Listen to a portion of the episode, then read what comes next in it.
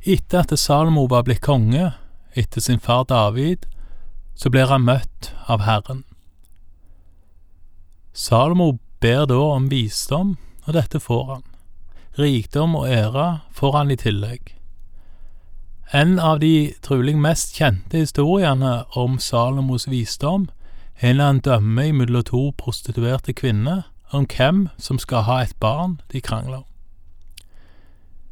Videre, dersom kong Salomo er forfatter av boka Forkynneren, som vel er rimelig å anta, så står det mye der om hans visdom og hans innsikt. Salomo bygde mye, som vi har vært inne på, og han blei, som vi òg har vært inne på, veldig, veldig rik. Og han dreiv handel på hav og på land. Han blei nok viden kjent, og kanskje var det handelsvirksomheten som gjorde at dronninga av Saba fikk høre om han. Det er òg en veldig kjent historie om kong Salomo sin enorme visdom. Vi leser ifra første kongebok, kapittel 10, vers 1. Da dronningen av Saba hadde hørt om Salomo, og det han hadde gjort for Herrens navn, kom hun for å prøve ham med gåter. Hun kom til Jerusalem med meget store rikdommer, med kameler som bar balsamoljer, store mengder gull og edelstener. Hun trådte fram for Salomo og snakket med ham om alt som lå henne på hjertet. Og Salomo ga henne svar på alt hun spurte om. Det fantes ikke den ting som var skjult for kongen, så han ikke kunne gi henne svar.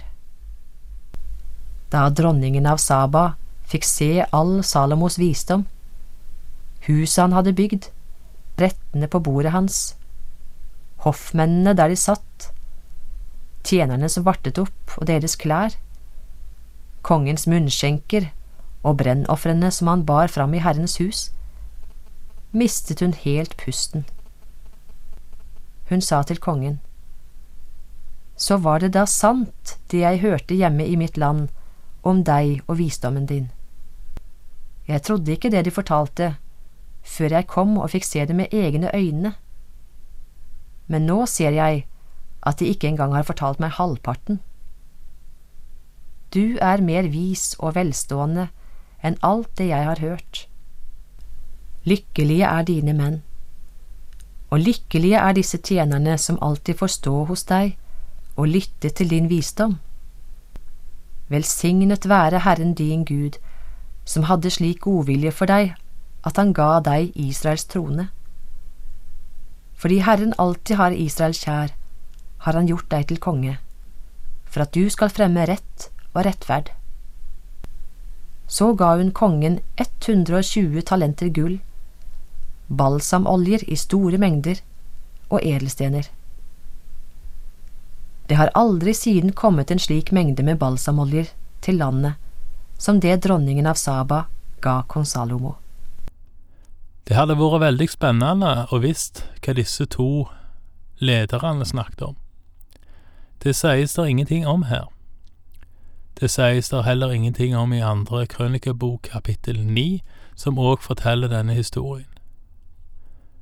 Det som står, er at dronninga hadde hørt om Salomo sin visdom, og at hun prøver ham i gåte.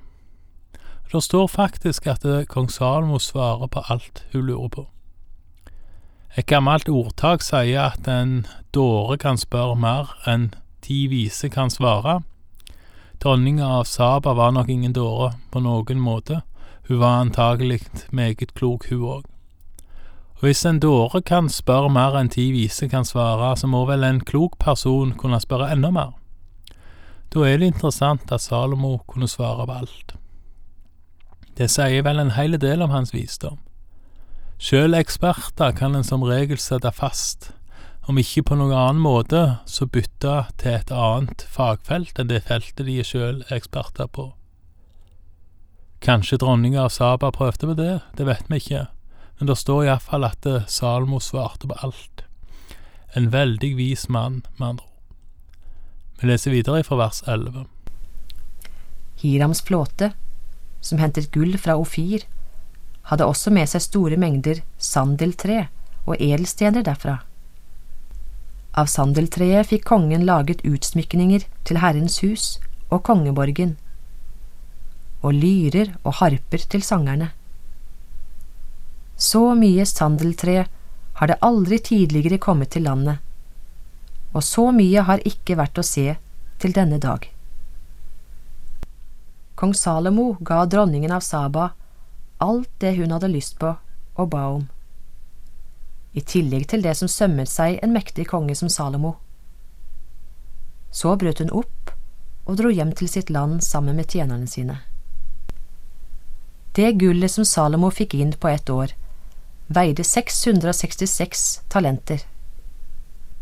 I tillegg kom avgiftene fra de handelsreisende og fra karavanehandlerne, fra alle araberkongene og fra stattholderne i landet.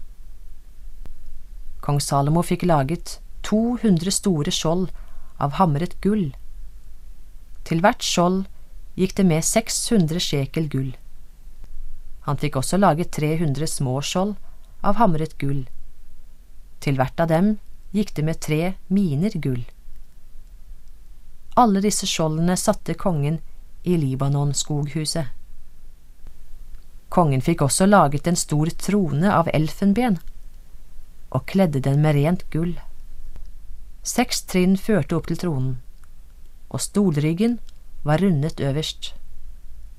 Det var armlener på begge sider av setet, og ved hvert av dem sto det en løve.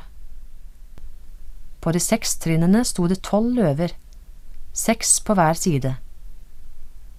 Maken til trone har aldri vært laget i noe annet kongerike. Alle drikkekarene til kong Salomo var av gull, og alt utstyret i Libanonskoghuset var av rent gull. Ingenting var av sølv. Sølvet ble ikke regnet for noe i Salomos dager. For kongen hadde Tarsis-skip på havet sammen med Hirams skip.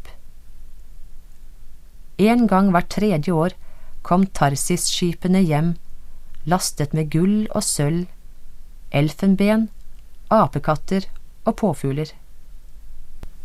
Kong Salomo overgikk alle jordens konger i rikdom og visdom. Og fra hele verden søkte de Salomo for å lytte til visdommen som Gud hadde lagt ned i hans hjerte. Hvert år kom de med gaver til ham, gjenstander av sølv og gull, kapper, våpen, balsamoljer, hester og muldyr. Salomo samlet vogner og hester. Han hadde 1400 vogner og 12 000 hester. Han plasserte dem i vognbyene og hos seg selv i Jerusalem. Kongen gjorde sølv like vanlig i Jerusalem som stein, og sedertre like vanlig som morbærtrær i lavlandet. Salomo fikk hestene sine fra Egypt og fra Kue. Kongens kjøpmenn hentet dem fra Kue mot betaling. Hver vogn som ble innført fra Egypt, kostet 600 sjekel sølv, og hver hest 150 sjekel. Så solgte de hester og vogner videre til hitittkongene og aramerkongene. Salomo beskrives her i slutt slutten av første kongebok, kapittel ti, både som verdens viseste og verdens rikeste mann. Det er vanvittige rikdommer som her beskrives, som Salomo samla. Alt blei lagt i gull, står det, ingenting i sølv, for sølv regnes ikke for noe i de dager. Handelen og Salomos visdom trekker til seg varer og folk og skatter og avgifter og inntekter fra hele verden. Men han hadde mange hester, som vi snakket om sist, og han hadde mange koner. Når vi nå går over i kapittel 11, så kaster òg Salomos mange koner et klart brudd på Herrens forordninger. Det kaster skygger over Salomos regjeringstid. Vi leser fra første kongebok, kapittel 11, vers 1. Kong Salomo elsket også mange andre utenlandske kvinner enn faraos datter. Det var kvinner fra Moab, Ammon, Edom, Sidon og hetittenes land. De hørte til de folkene Herren hadde talt om da han sa til israelittene. Dere skal ikke blande dere med dem, og de ikke med dere. Ellers kommer de til å vende hjertet deres til sine guder. Det var disse kvinnene Salomo holdt seg til og elsket.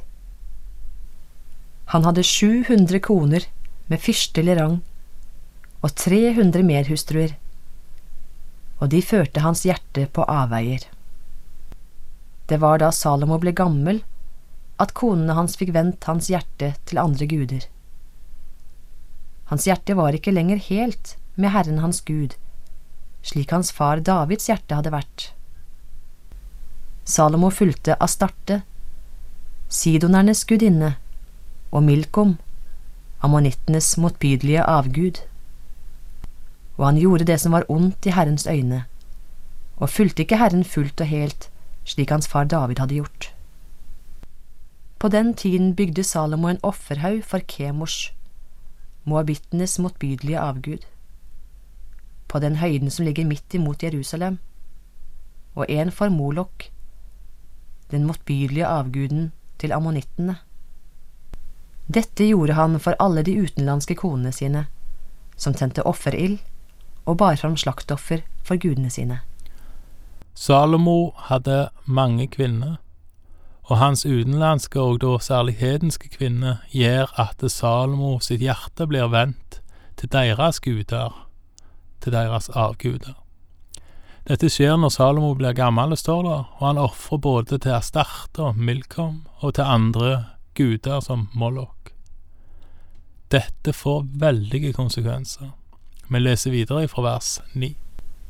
Da blir Herren harm på Salomo fordi han hadde vendt sitt hjerte bort fra Herren, Israels Gud, som hadde vist seg for ham to ganger og gitt ham det budet at han ikke skulle følge andre guder, men han hadde ikke rettet seg etter Herrens bud. Og Herren sa til Salomo, Siden du har oppført deg slik og ikke holdt min pakt og forskriftene som jeg påla deg, skal jeg rive riket fra deg og gi det til en i din tjeneste men for din far Davids skyld vil jeg ikke gjøre det så lenge du lever. Det er din sønn jeg vil rive det fra. Likevel vil jeg ikke rive vekk hele riket. Én stamme vil jeg gi din sønn, for min tjener Davids skyld og for Jerusalems skyld, den byen jeg har utvalgt. Herren Gud tar fra Salomo kongsmakta, leser vi her, men ikke med en gang. På grunn av David så venta han til neste ledd, til Salomo sin sønn igjen. Videre, og for Davids skyld og for Israels skyld, så kommer han ikke til å ta vekk hele folket, men det står at det kommer til å bli delt. Og Davids linje gjennom Salomo får beholde én stamme, Juda sin stamme. For Herren skal oppfylle sitt løfte til David. Når profeten Mika profeterer om kongen som skal komme, noe Matteus siterer i kapittel to, som de skriftlærdes svar når kong Herodes spør hvor Messias skal fødes. Da kommer profetien til Mika om igjen, og han sier, Du Betlehem i Judaland er slett ikke den ringeste av fyrstene i Juda. Fra deg skal det komme en første som skal være første for mitt folk Israel. Der ser vi at Davidslinja gjennom Salomo blir bevart, for at Herren skal oppfylle sitt løfte til David, et løfte som vi kristne tror blir oppfylt med Jesus. Takk for i dag, og Herren være med deg.